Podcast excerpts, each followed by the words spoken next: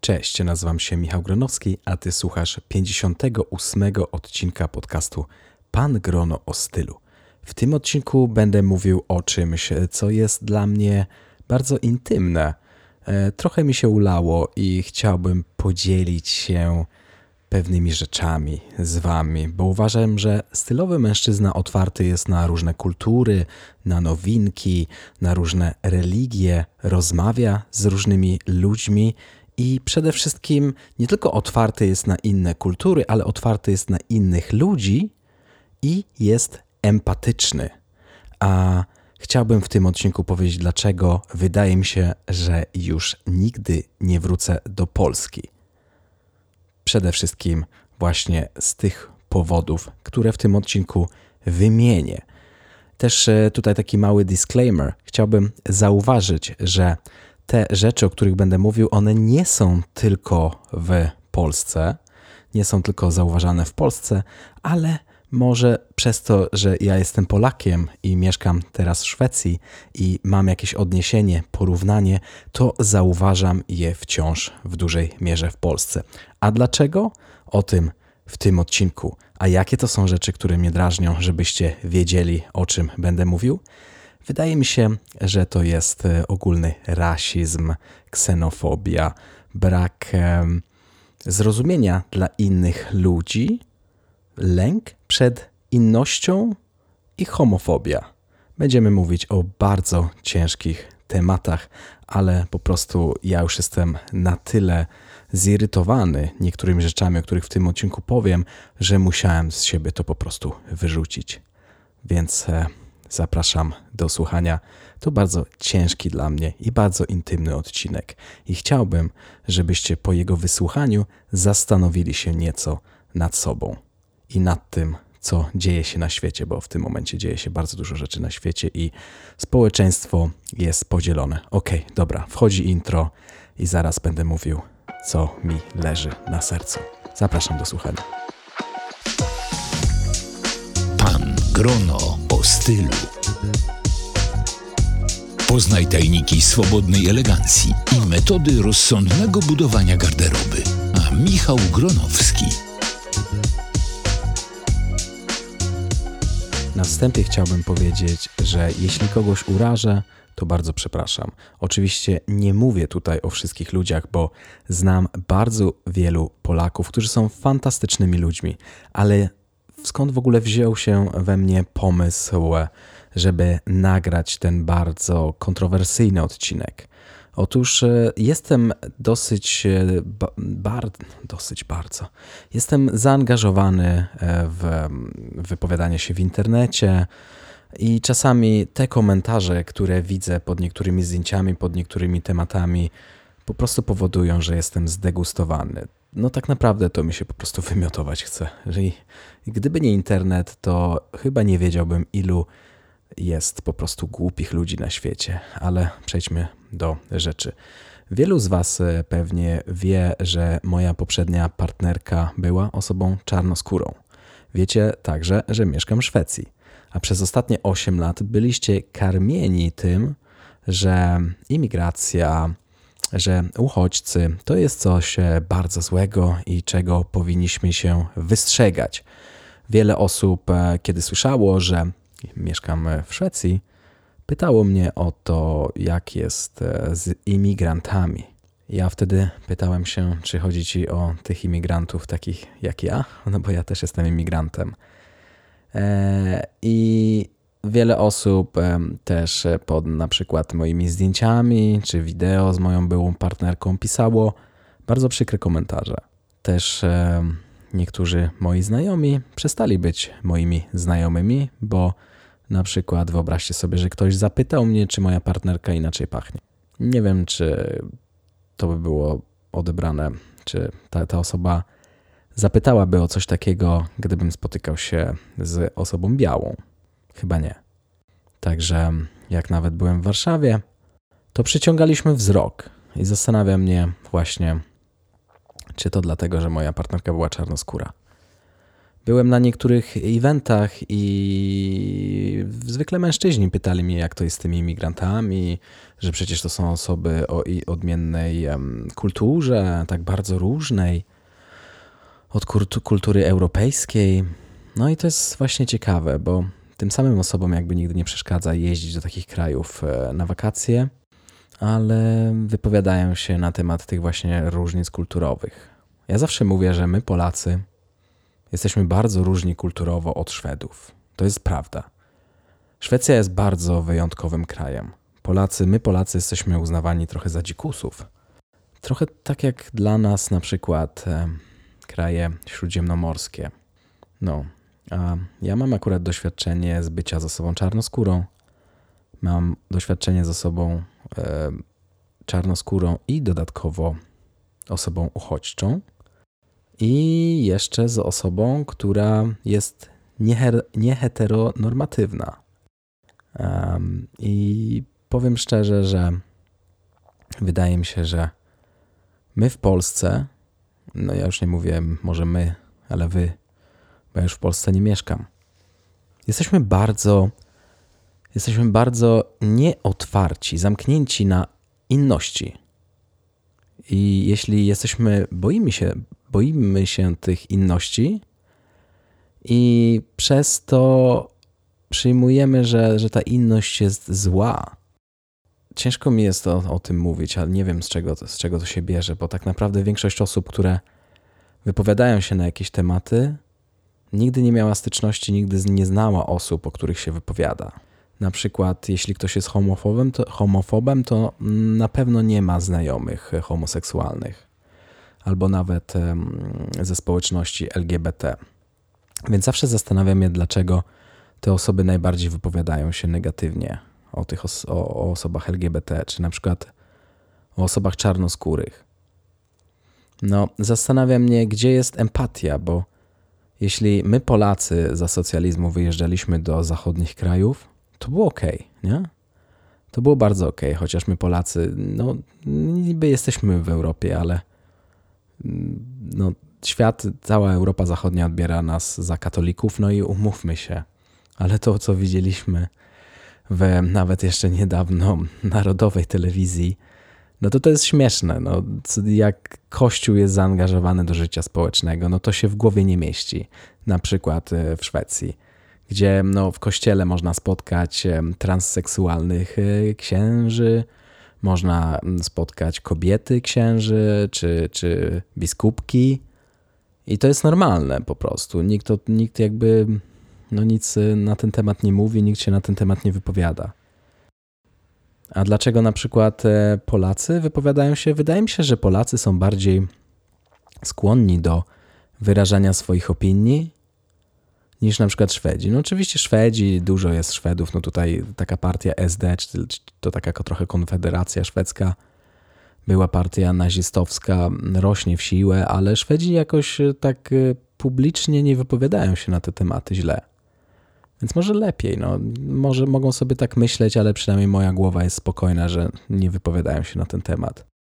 A ja akurat y, ciężko było mi zrozumieć i ciężko było mi po jakby porzucić y, jakieś negatywne myśli, jeśli ktoś wypowiadał się na głos i ktoś mówił mi, że na przykład, y, że ja robię źle, spotykając się z osobą czarnoskórą i nawet nie wiem, co ja robię źle.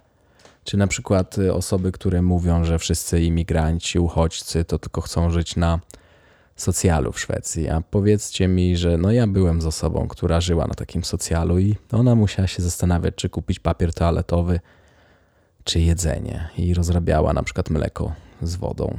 No więc nie wiem, czy ktoś na takim socjalu rzeczywiście chce żyć. Większość osób, które przyjeżdżają do innych krajów, to po prostu chcą żyć tak jak każdy inny. Chcą pracować, chcą mieć rodzinę, chcą mieć lepsze życie i każdy na świecie wydaje mi się, że ma prawo do tego, żeby mieć lepsze życie. Większość krajów, z których te osoby przybywają, zostały wykorzystane przez światy zachodni. Czy na przykład istnieją konflikty, które są spowodowane przez e, zachodnie państwa. Ja naprawdę bardzo przepraszam, że ten odcinek jest trochę chaotyczny, ale te moje myśli tak krążą I to jest bardzo ciężki odcinek dla mnie, więc y, proszę o zrozumienie. Zastanawia mnie też, co na przykład, co na przykład e, przeszkadza ludziom w tym, że osoby z innych kultur przyjeżdżają na przykład do Polski. Mnie się wydaje, że Polacy są bardzo przyzwyczajeni do tego, że, że, że nie mamy innych kultur jakby w kraju. W ogóle nie uczymy się innych kulturach. Na przykład w Szwecji, jak chodziłem do szkoły, to uczyliśmy się o innych kulturach, uczyliśmy się o innych religiach i mieliśmy pojęcie na ten temat. A w Polsce jest takie przekonanie, że muzułmanie chcą zamordować wszystkich e, odmiennej religii. A to nie jest tak. Umówmy się, że osoby, osoby o religii muzułmańskiej, które znam, to są najsympatyczniejsi ludzie, jakich kiedykolwiek poznałem. Oni mogą oddać dla ciebie wszystko. Wyobraźcie sobie, że jak kiedyś pracowałem w jednej takiej fabryce, w malarni, to jak jeden chłopak dostał stałą pracę, urządził po prostu imprezę dla wszystkich. Wszystkich poczęstował, nikt nie, nie no, sam za to wszystko zapłacił. Ugotowali w domu z żoną bardzo dużo, no, czekaj, oni byli z Syrii, syryjskich e, przysmaków. I jeśli ktoś mówi, jeśli ktoś zaczyna mówić, że nazywa no, negatywnie te osoby, nazywa, nie wiem, jak już nie chcę naprawdę mówić, ale nawet używają słów na C, czy na przykład w, w, w, jeśli mówią o osobach czarnoskórych, nawet słów na M. Umówmy się, są słowa neutralne, które nie bolą pewnej części osób. Oczywiście nie, każdy, nie każdemu przeszkadza używanie słowa na M po polsku o odniesieniu do osób czarnoskórych, ale jeśli mamy słowo, które jest 100% neutralne, to powinniśmy uszanować to i używać tego słowa. Też e, bardzo dziwi mnie za zawsze, dlaczego mówimy, że okej, okay, no to są jakieś zboczenie, na przykład jeśli ktoś jest homoseksualny. Ale to nie są żadne zboczenia, bo to występuje nawet w naturze. I w Polsce no, osoby homoseksualne mają po prostu straszne życie. No, nie, nie mogą być sobą. A co komu to przeszkadza, co kto robi w domu? No nie wiem. No, dla, dla mnie to zawsze dziwiło, że e, Polakom, Polaków zawsze interesuje życie innych ludzi. Ja akurat e, zauważyłem, że nawet Polacy za granicą często nie są lubiani, bo obgadują inne osoby. Szwedzi nie obgadują innych osób. Przynajmniej nie robią tego tak publicznie. Jeśli to robią, no to nie, nie słychać tego. Ale wydaje mi się, że dużo osób jest zajętych sobą i nie ma po prostu czasu na takie pierdoły. Nie wiem. No, zacznijmy jeszcze od tego, co czytam w internecie. Często czytam, że o, we Francji to palą się samochody, w Szwecji też. Okej, okay, palą się. Zastanawialiście się kiedyś, jak to się wszystko, skąd to się wszystko bierze? Wyobraźcie sobie, że Francja była jednym z najgorszych kolonizatorów. To, co oni robili w swoich koloniach, no to się nawet w głowie nie mieści. Byłem w związku z osobą, która mieszkała w byłej kolonii brytyjskiej. I te wszystkie kraje były tak wykorzystywane. Po zniesieniu kolonii, na przykład dużo osób z kolonii francuskich chciało polepszyć swoje życie, no bo te wykorzystane kraje, no, no tam ekonomia nie była zbyt dobra. Francja czy inne kraje zachodnie wykorzystywały te kraje, a później zlikwidując kolonie po prostu tak zostawiły, bez jakiegoś tam, nie wiem, przejmowania się tym, że no, tam już nie, nie będzie takie życie, jak było wcześniej, przed kolonią. Po prostu sobie wyszły z kolonii. I dużo osób chce poprawić swoją sytuację, znają język francuski, jadą do Francji. Ale umów, um, do, no też akurat znam osoby z byłych kolonii francuskich, które mieszkają teraz w Francji. Jest jakby niechęć do, do tych osób od samego początku nawet nie, zna, nie poznawszy tych osób. Wyobraźcie sobie, że jedziecie. Ja akurat mnie to spotkało. Przeprowadziłem się do Szwecji, do małego miasteczka, gdzie na każdym kroku byłem jakby świadomy tego, że nie pasuję tam, bo nie jestem Szwedem.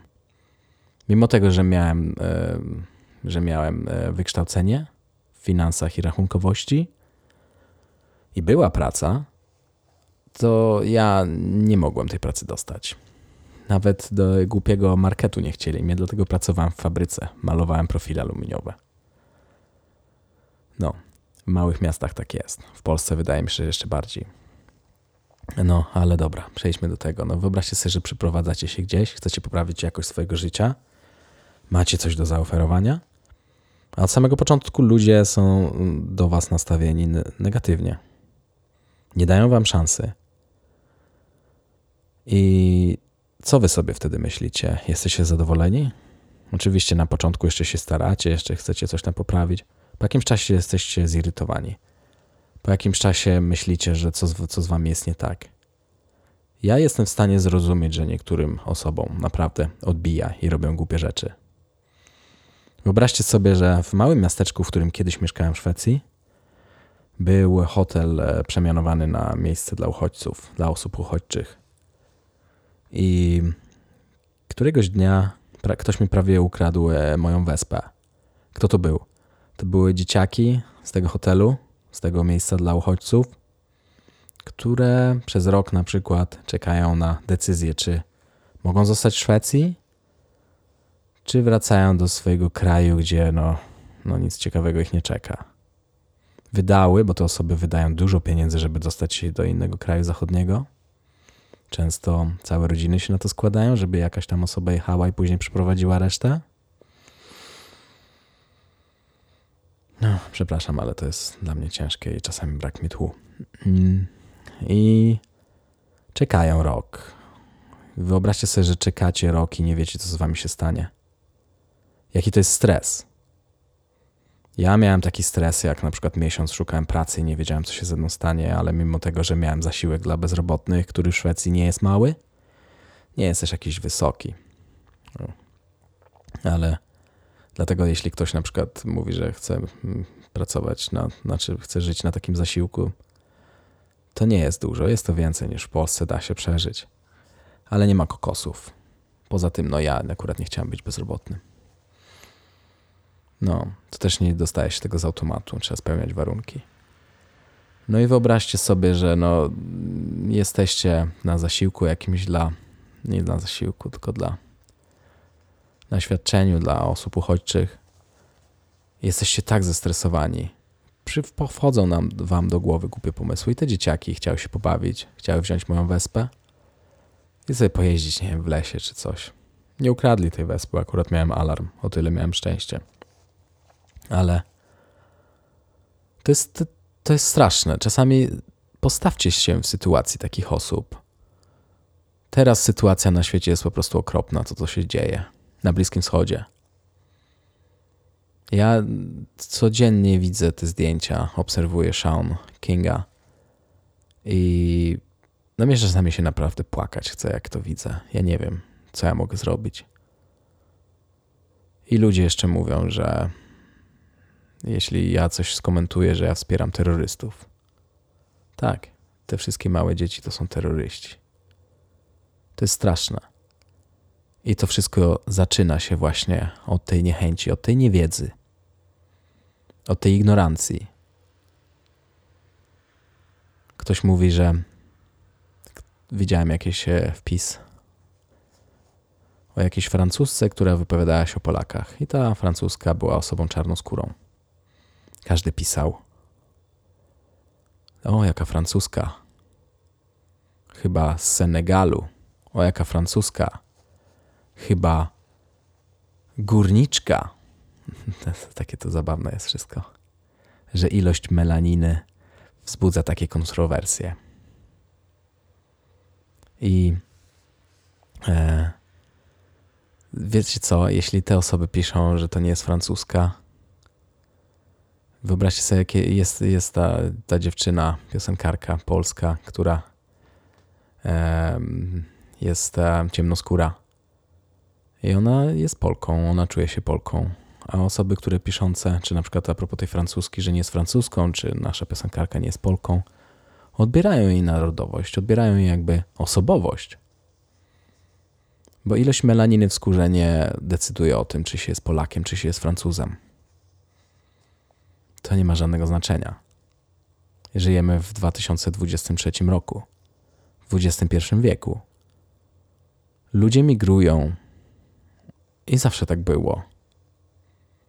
Przecież e, na przykład w Szwecji ludzie tak się znikąd nie wzięli. W zasadzie nawet naukowcy to potwierdzają, że większość e, ludzi pochodzi z, ta, z Afryki. Wszystko się tam zaczęło. Ja nic o tym nie chcę mówić, bo nie jestem naukowcem. Ale na, na, w Szwecji na pewno no, tu jest zimno. To tutaj na pewno się ludzkość nie rozpoczęła.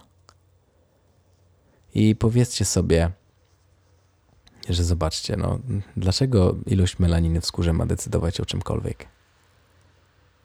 Mówicie, że na przykład w Stanach Zjednoczonych, że osoby czarnoskóre są leniwe, takie, srakie. A wiecie co? Jeszcze do lat 60. chyba w Stanach istniała, istniał podział na czarnych i białych. Wiecie, że na przykład w Stanach Zjednoczonych osoby czarnoskóre nie mogły kupować nieruchomości? Przez ten czas, co osoby białe, umówmy się, Stany Zjednoczone to jest kraj imigrantów. Przecież osoby rdzenne, które tam mieszkały, no to są już teraz tylko ograniczone do rezerwatów. I przez ten czas, kiedy osoby białe budowały swoją niezależność finansową, budowały swoje zaplecze finansowe, to osoby czarnoskóre mogły tylko wynajmować mieszkania i jeszcze po bardzo wysokich cenach. Tak samo jest z imigrantami, na przykład w wielu krajach. Bo przyjeżdżając na przykład tu do Szwecji, no nie miałem takiego startu jak osoby, które mieszkają w Szwecji od początku. A wyobraźcie sobie, że osoby czarnoskóre, które urodziły się nawet w Stanach Zjednoczonych, nie mogły mieć takiego samego startu jak osoby białe. Do dzisiaj w Stanach Zjednoczonych policja nie traktuje tak samo osób czarnoskórych. To jest zauważalne. E, I teraz na przykład randkuję z jedną dziewczyną, która jest czarnoskóra i widzi to, jak na przykład przychodzi jakiś koleś w barze, zaczyna rozmawiać z jej koleżankami, które są blondynkami, a ją w ogóle olewa. A dlaczego? To jest po prostu straszne. I ja na przykład mam to szczęście, że jestem biały, mam niebieskie oczy. No, może nie wyglądam jak Szwed, taki typowy, ale wiele ludzi myśli, że jestem Szwedem. A co śmieszne, że jak mam kręcone włosy, na przykład czasami zostawię moje włosy, nie wyprostuję ich i zostawię tak do wyschnięcia i są kręcone, to wtedy zaczynają do mnie mówić po angielsku albo pytają się, czy mówię po szwedzku. Tak, mówię po szwedzku, ale z, wiadomo, że z akcentem. I wtedy ludzie zastanawiają się, skąd ja pochodzę. Często mówią z Włoch, z Francji, nie wiem, z Hiszpanii nie akurat nie, ale najczęściej mówią z Włoch. I to też jest w ogóle ciekawe. Nikt mi nie mówi, że z Polski. A wiecie, jakie jest. E, wiecie, jak ludzie myślą o Polsce, że my jesteśmy z katolikami, modlimy się, bardzo wierzymy, jesteśmy rasistami i homofobami. Tak, takie jest przekonanie o nas. No i ja nie wiem. Ja już tyle osób poblokowałem, które mi zaczęły komentować, mówią, że one mieszkały w Wielkiej Brytanii i tam po prostu imigranci to, imigranci tamto.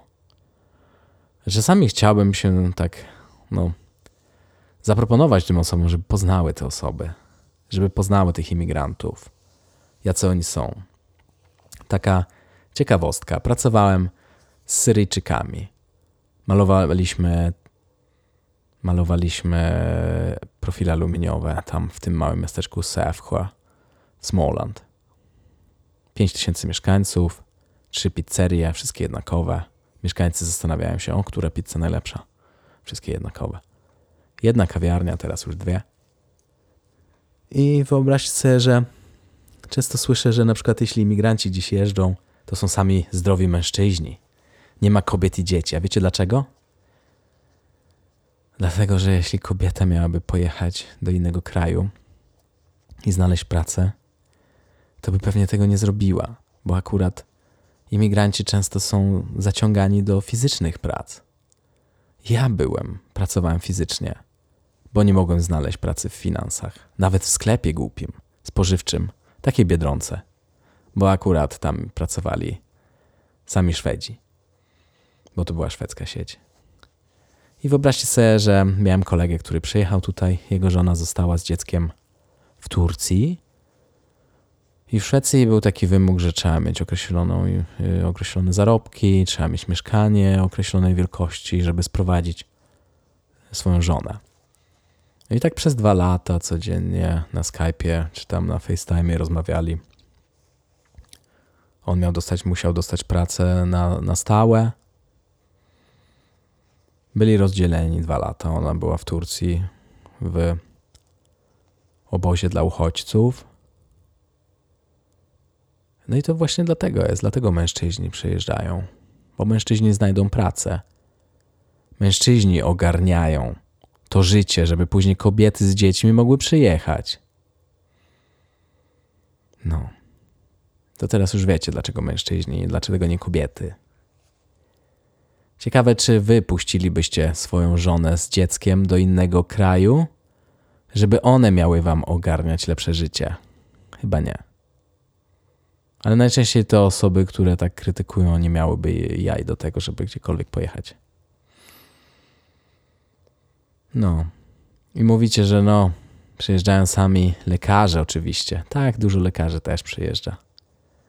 I często ci lekarze nawet nie mogą znaleźć pracy w Szwecji, bo nikt nie chce przekonwertować ich wykształcenia.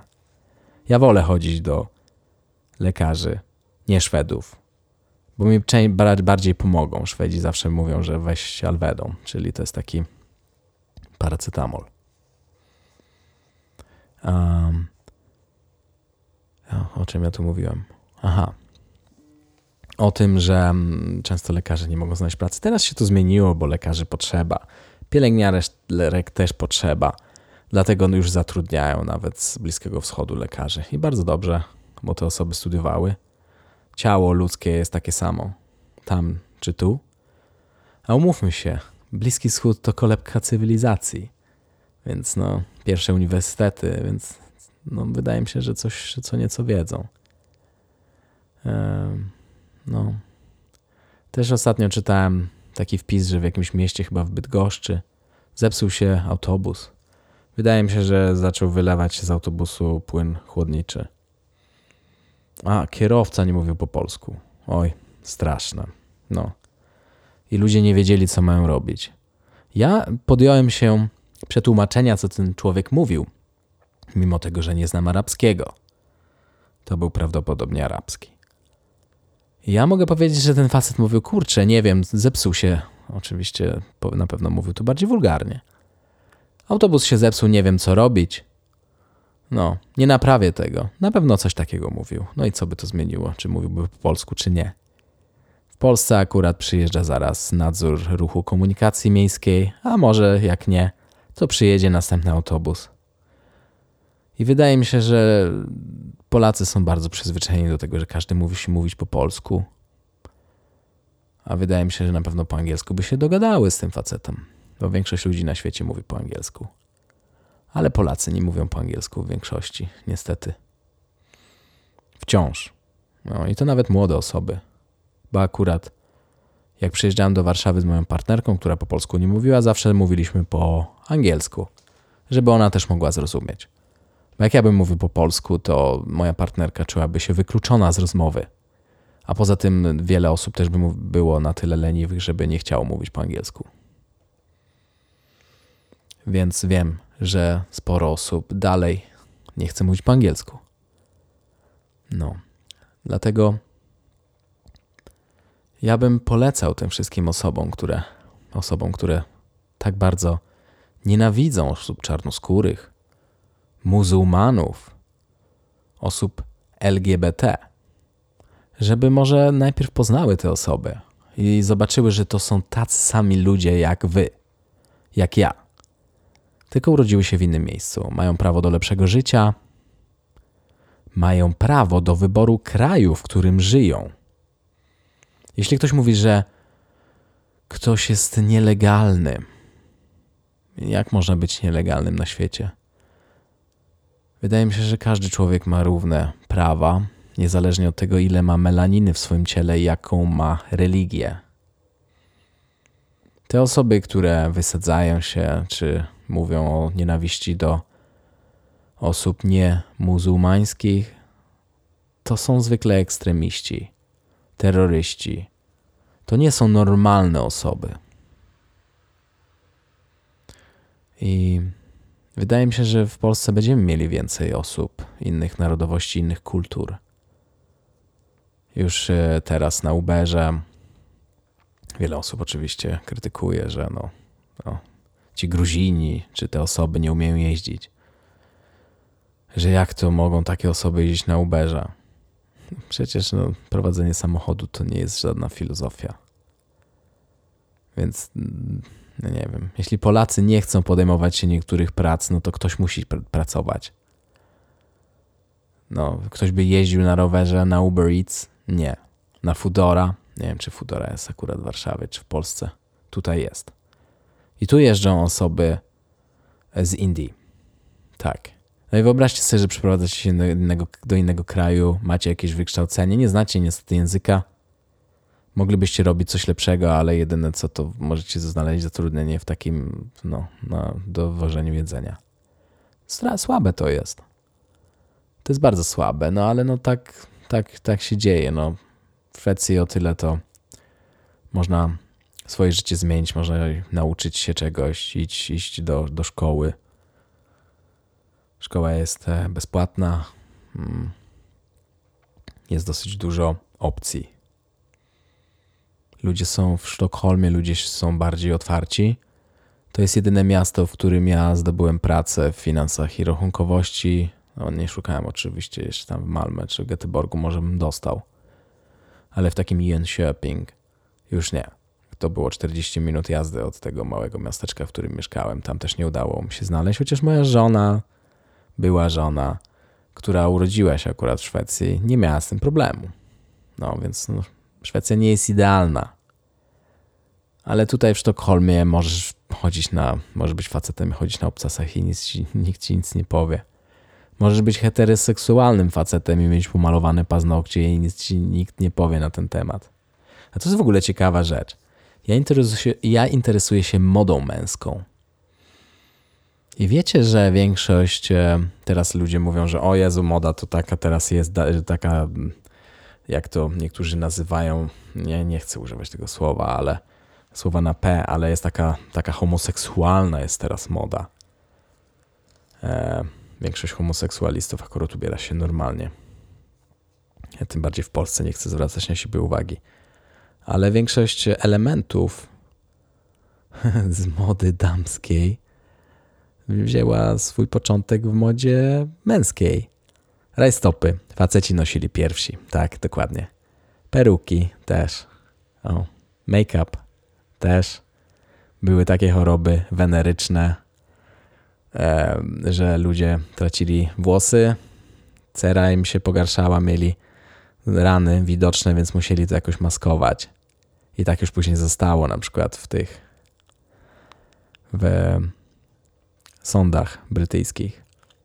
Faceci nosili rajstopy, faceci nosili buty na obcasach, bo jeździli konno i ten obcas miał powodować, że but siedzi dobrze e, w... Nie, nie wiem jak to się nazywa, ale to, to miejsce, w które się wkłada e, stopę, jak się jeździ konno. Akurat konno nie jeżdżę, ale wiecie o czym mówię. Więc większość rzeczy z mody damskiej miało początek w modzie męskiej. Więc jeśli mi ktoś mówi, że kiedyś moda była bardziej elegancka, no to, no to kiedy? W którym dokładnie jakby stuleciu? W którym okresie historycznym, że tak powiem? Może w średniowieczu? Może jeszcze wcześniej? Albo na przykład, że homoseksualizm to jest wymysł dzisiejszych czasów. A królowie to co? Mieli nałożnice i mieli też nałożników. Ja nie wiem. Zawsze mnie zastanawia, dlaczego te osoby, które tak krytykują jak to się, jak to się dzieje, że mają tyle czasu, żeby się, żeby poświęcać się jakby się na to, żeby krytykować, pisać to. To jest słabe.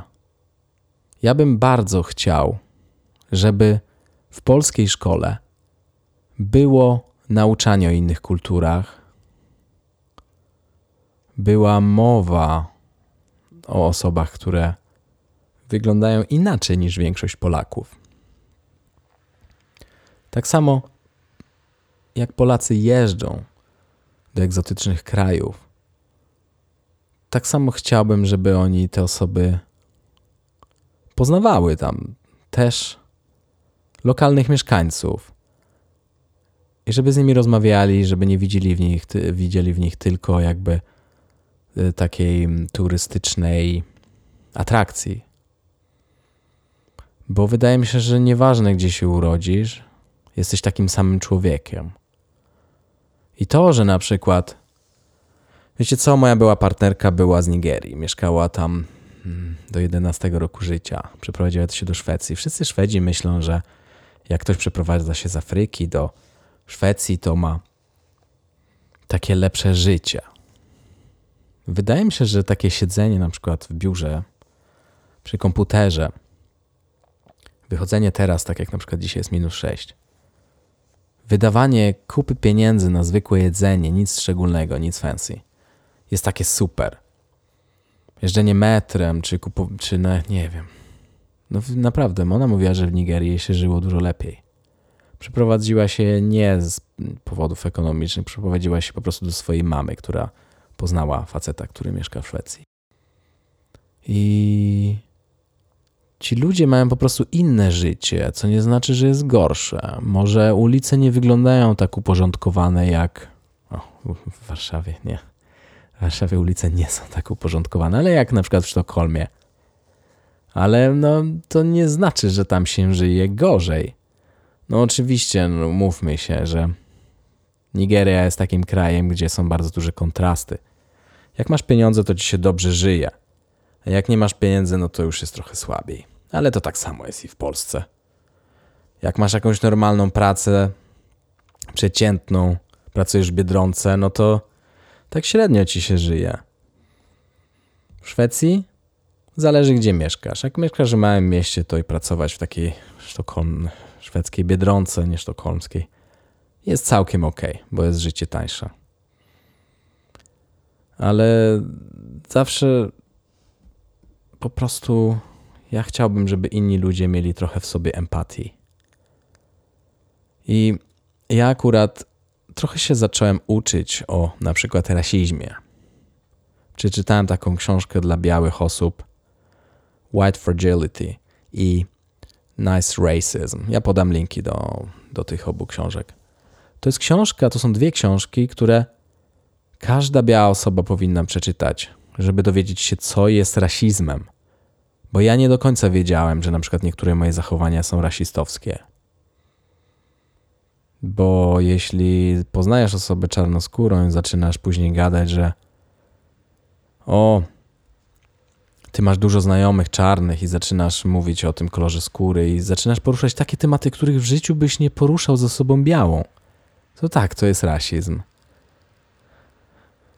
Albo ja przychodzę, mm, no, spotykam się z, z ludźmi i jestem z moją partnerką i oni zaczynają mówić o tym, jak to, nie wiem, oni nie są rasistowscy czy coś. Nigdy by o tym nie zaczęły mówić, gdyby ta osoba była biała. Zastanówcie się nad tym czasami. Ja akurat jestem zdegustowany niektórymi osobami, które uważałem za moich znajomych czy przyjaciół, jak zaczęły reagować na to, jak ja byłem z osobą czarnoskórą. Tak jakby to cokolwiek zmieniało. No. Tak, fajnie oglądać z NBA, czy coś, czy słuchać na przykład raperów, czy afrobeats. Ale jak macie taką osobę czarnoskórą w swoim otoczeniu, to już jakoś nie, nie wszystkim to odpowiada. No to jest ciekawe, że na przykład w Stanach Zjednoczonych zawsze, jeśli ktoś jest artystą albo sportsmenem czy sportsmenką, to nawet jeśli jest, jesteś osobą czarnoskórą, to wszyscy cię kochają. Ale jeśli załóżmy pracujesz fizycznie i jesteś osobą czarnoskórą, to już tak niekoniecznie. No, ten odcinek jest strasznie chaotyczny. Ja bardzo przepraszam. Ale to jest bardzo trudny dla mnie temat. Ja bym bardzo chciał, żeby każda osoba biała przeczytała książkę Robin DiAngelo, właśnie ten Nice Racism czy White Fragility. A dlaczego White Fragility, czyli biała mm, wrażliwość? Dlatego, że jeśli komuś biał, białemu powie się, że jest rasistą, to zawsze się zaczyna oburzać, że nie jest rasistą. A na przykład nie zapyta, dlaczego ta osoba myśl, mu, uważa, że, że, że, że ta osoba jest rasistą. Czasami mo można byłoby się czegoś nauczyć. I często jest tak, że osoba czarnoskóra, na przykład jeśli nazwie kogoś rasistą, to później ma przepraszać za to. Osoba, która została poszkodowana przez osobę białą zachowaniem rasistowskim, musi przepraszać osobę białą za to, że nazwała ją rasistą. Tak dokładnie. Tak to funkcjonuje. No. To jest bardzo, to jakby tak ta książka otwiera oczy i ja bym bardzo chciał, żeby to, to było obowiązkową jakby lekturą może. Nie wiem, ja to przeczytałem z własnej, e, z własnej nieprzymuszonej woli. Chciałem wiedzieć, chciałem wiedzieć jak to jest. I powiem szczerze, że wiem jak, e, trochę więcej wiem na ten temat, jak to jest być z osobą czarnoskórą, bo mm, czasami musiałem pocieszać tę osobę, być ramieniem do wypłakania, jeśli ktoś nazwał ją słowem na N. Musiałem też zrozumieć to, że nie zawsze na przykład wzywanie policji powoduje, że jest się, czujesz się bardziej bezpiecznym, bezpieczną. I chociażby ciągłe poirytowanie, jak ktoś zaczyna mówić do ciebie po angielsku, mimo tego, że ty mówisz po szwedzku i jesteś Szwedką. Tak, dokładnie, tak też było. To i w Szwecji się znajduje osoby. Rasizm jest wszędzie. To tak samo jak jest się osobą czarnoskórą czy Azjatą i jest się w Polsce. Mam koleżankę, która jest Wietnamką, urodziła się w Wietnamie, ale przyjechała dosyć wcześnie do Polski, mówi po polsku lepiej niż większość Polaków. I ludzie czasami mówią do niej: O, mówisz dobrze po polsku. Ona zawsze odpowiada: Dziękuję, ty też. No to jest właśnie rasizm. Takie zachowania są rasistowskie. Zakładanie, że ktoś nie jest Polakiem czy Polką, bo nie wygląda. No, nie ma rysów e, polskich. A jakie to są polskie rysy? To się już zacznie zmieniać. Dokładnie. No i niektórzy mówią, że o, biały, biały człowiek zniknie. No i co z tego? I tak na świecie najwięcej osób jest w Chinach i osób o azjatyckich rysach twarzy jest najwięcej na świecie. No ja nie wiem już no, tak naprawdę, co mam teraz powiedzieć więcej. Powiedziałem już chyba wszystko. No zawsze jak czytam te komentarze na Facebooku czy gdzieś tam na Instagramie pod e, jakimiś wpisami o imigrantach, po jakimiś wpisami o osobach czarnoskórych, czy na przykład ostatnio reklamy jednej marki odzieżowej, gdzie modele są czarnoskórzy. No. To jest po prostu straszne, to jest okropne. Mnie to się wymiotować chce, jak ja to czytam. I zawsze zastanawia mnie, ile złości jest w ludziach, ile nienawiści, spowodowanej niczym. Wyobraźcie sobie, jesteś czarnoskóry, urodziłeś się w Szwecji, ale wszyscy odbierają cię, jak, jakby nie jesteś u siebie. Albo jesteś Polką, czarnoskórą ludzie w i jesteś artystką i ludzie w internecie mówią ci, że co to za Polka. Odbierają ci osobowość, odbierają ci twoją narodowość, pozbawiają cię po prostu tego, kim ty jesteś. Bo skoro jesteś czarnoskóra, to nie jesteś Polką. To jest strasznie słabe. Ale wydaje mi się, że my, Polacy, I po prostu nawet jeśli nienawidzimy nawet nie tylko osób czarnoskórych, ale zobaczcie, jak my jesteśmy spolaryzowani przez politykę. Kiedy ostatnio wrzucałem odcinek e, podcastu Jak zostać pilotem z Karoliną Tesarską. Um, pilotką, tak. I napisałem, że moją gościnią, tak, gościnią, nie gościem, bo to jest kobieta, jest e, pilotka Karolina Tesarska i ludzie zaczęli mi komentować, co ty rozmawiałeś z czapką, pilotką. Nie, napisałem nie, nie, e, bo przecież pilot to nie może być do telewizora, nie? No. Wiecie co, a propos, my to, Polacy to się potrafią po prostu pokłócić między sobą o, o cokolwiek. To a tu a, a propos na przykład feminitatywów. A feminitatywy przed e, socjalizmem istniały i są no, tak stare jak chyba język polski. A po prostu za socjalizmu zostały wyeliminowane i co ma, dlaczego mamy ich nie używać? I to jest taka głupota, bo zamiast komentować podcast, to komentują jak, jak ja napisałem. Że napisałem, użyłem feminitatywów. I to jest racja. Dlaczego jeśli mamy słowa żeńskie, feminitatywy, to dlaczego ich nie używać? Przecież język jest po to, żeby się łatwo komunikować. Każdy zrozumiał, że nie rozmawiałem z czapką. No, jak można rozmawiać z czapką? Przecież to jest głupota. No, także wydaje mi się, że to jest powodem, dlaczego ja się nie czuję dobrze w Polsce. Bo większość osób jest tak po prostu, ma tak zakute łby, nie potrafi zmienić jakby swojego myślenia, nie potrafi otworzyć się na inność. Każdy ma być jednakowy. I nawet jeśli ktoś wyróżnia się stylem, jak ja na przykład zakładam zielony garnitur i idę po ulicy, to czasami ktoś mi mówi, a co ty jesteś gej? Tak, bo geje ubierają się właśnie tak jak ja. Dokładnie, tak. Oni tak się ubierają. A nawet jakbym był, to dlaczego powiedzenie, że ktoś jest gejem ma być obraźliwe? Przecież to jest orientacja seksualna i tego się nie wybiera, z tym się rodzisz. To nie myśli, my, czy wy myślicie naprawdę, czy no wy na pewno nie, bo akurat wydaje mi się, że ci, co słuchają mojego podcastu, to są osoby inteligentne. Czy ktoś z własnej woli by wybrał, żeby żyć w mniejszości i być tak źle traktowanym jak osoby LGBT w Polsce? Z własnej nieprzymuszonej woli? Nie, przecież łatwiej jest być osobą heteronormatywną. No, dlatego to już jest koniec tego odcinka. Mam nadzieję, że Was nie zanudziłem. Był bardzo intymny.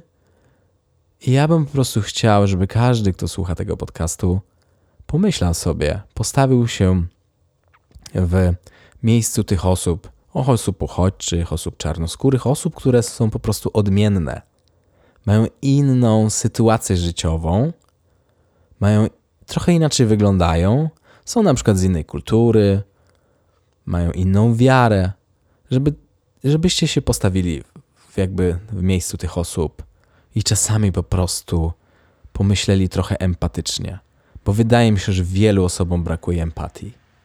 To jest moje przesłanie. Jeśli ktoś chce, to niech przeczyta te książki. Linki do nich znajdziecie w opisie. Ja przeczytałem.